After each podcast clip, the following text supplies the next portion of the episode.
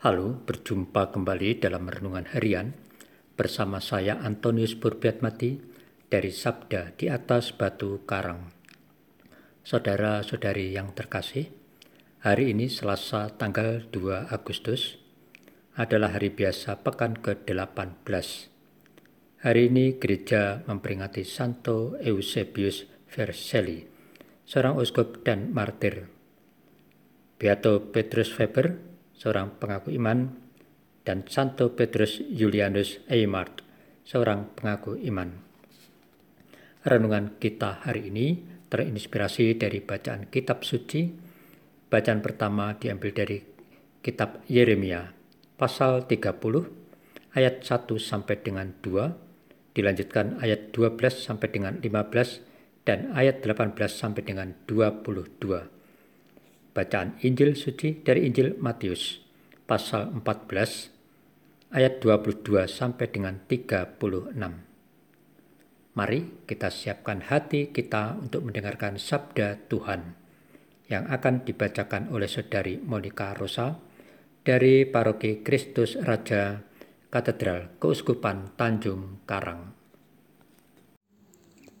Sekali peristiwa setelah mengenyangkan orang banyak dengan roti, Yesus segera menyuruh murid-muridnya naik perahu dan mendahuluinya ke seberang.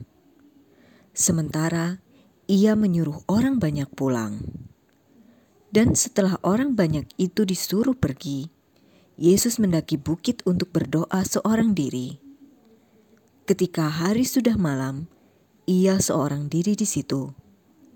Perahu para murid sudah beberapa mil jauhnya dari pantai dan diombang-ambingkan gelombang karena angin sakal. Kira-kira jam tiga malam, datanglah Yesus kepada mereka berjalan di atas air. Melihat ia berjalan di atas air, para murid terkejut dan berseru, "Itu hantu!" Dan mereka berteriak ketakutan. Tetapi Yesus segera menyapa mereka. Katanya, "Tenanglah, akulah ini. Jangan takut." Lalu Petrus berseru, "Tuhan, jika benar Tuhan sendiri, suruhlah aku datang kepadamu dengan berjalan di atas air." Kata Yesus, "Datanglah." Maka Petrus turun dari perahu dan berjalan di atas air mendapatkan Yesus.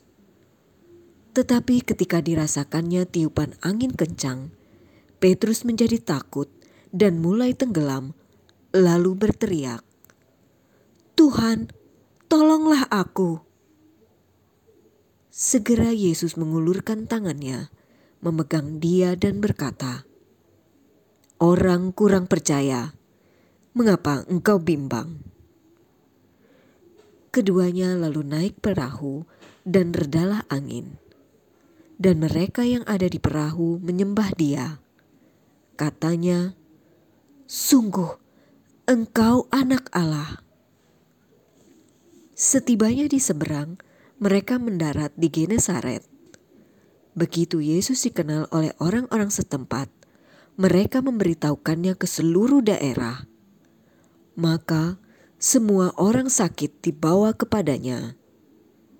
Mereka memohon supaya diperkenankan menjamah jumbair jubahnya, dan semua orang yang menjamah dia menjadi sembuh. Demikianlah sabda Tuhan. Terpujilah Kristus. Saudara-saudari yang terkasih, dalam bacaan Injil pada hari ini diperdengarkan tentang sikap iman Petrus terhadap Yesus. Petrus yang selalu bersama Yesus saja mengalami keraguan imannya akan diri Yesus dan kuasanya. Bagaimana dengan diri kita? Saudara-saudari yang terkasih, ada yang mengatakan bahwa titik nadir atau terendah dari iman kita adalah saat kita sedang mengalami penderitaan yang sangat berat. entah itu menderita karena sakit penyakit, masalah keluarga atau pekerjaan, dan sebagainya. Di saat demikian, sering kita merasa ragu akan hakikat keberadaan Tuhan dan kuasanya. Saudara-saudari yang terkasih, sikap Petrus adalah gambaran nyata diri kita. Meski kita mengaku sebagai orang Kristiani, toh kita sering ragu-ragu akan kuasa Tuhan. Semoga sabda Tuhan hari ini mengingatkan kita untuk selalu menyendiri berdoa kepada Yesus. Kita mohon daya kuasanya, bukan supaya kita bisa berjalan di atas air seperti Petrus, tetapi daya untuk semakin beriman kepada Yesus, sehingga kita tenang dalam menyikapi ombang-ambing persoalan hidup kita. Ya Yesus, tambahkanlah imanku akan dikau. Amin.